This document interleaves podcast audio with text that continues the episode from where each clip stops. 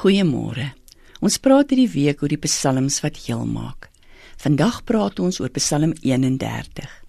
Die psalmis beskryf hier dat hy na sy lewe gekyk het en omtrent verdrink het in sy angs. Sy angs het hom oortuig dat dit verby is met hom. Hy is nie net sommer 'n smartvraat nie. Hy het 'n gebalanseerde opsomming van sy lewe gemaak, oftewel soos hy dit stel, Hy het besef hy kan nie meer onverskillig teenoor sy ellende staan nie. Dis om die minste daarvan te sê. Hy het eintlik siek geword van al sy bekommernisse. Hy het besef hy moet regtig iets doen. En toe vra hy God se hulp. Dis nogal aangrypend om so deur die Psalm te lees en te sien. Wanneer die psalmis homself as 'n slagoffer sien en angstig is oor sy lewe, dan gebruik hy passiewe taal dan is hy 'n doodse mens wat maar net wag dat dinge hom nog verder gaan tref. Maar wanneer hy uitreik na God se hulp, dan gebruik hy aktiewe taal. Dan kom hy in beheer. Dan vat hy sy swaar kry vas. Dan is hy nie meer 'n slagoffer nie, maar iemand wat sy swaar kry kan oorkom, want hy het hulp ingenooi. Die psalmis besef dat as pyn en angs en bekommernis in jou kop kom woon, dan gaan hulle nie sommer van self weer weg nie. As jy hulle oppoets en vet maak, dan nooi hulle sommer nog hulle ander maats ook om in te kom en te kom kuier. Soos depressie en al die dinge wat jou energie en lewenslus by jou steel. Die psalmis vra God se hulp om hierdie angs en depressie te oorwin.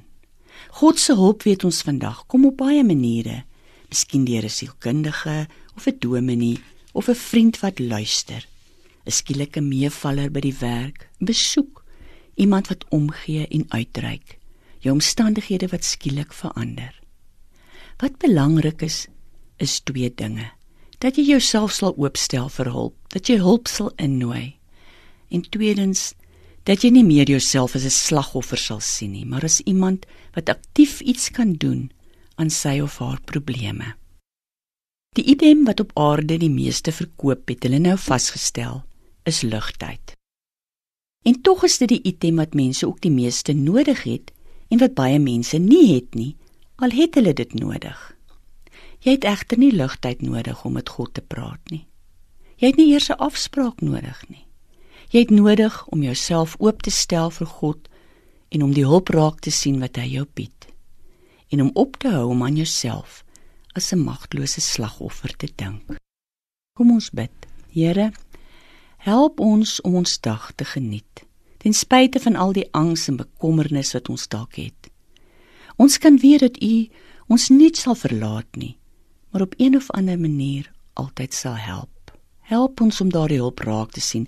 Help ons om raak te sien dat U ons stoer is om ons bekommernisse te hanteer en daarvoor is ons U ewig dankbaar. Amen.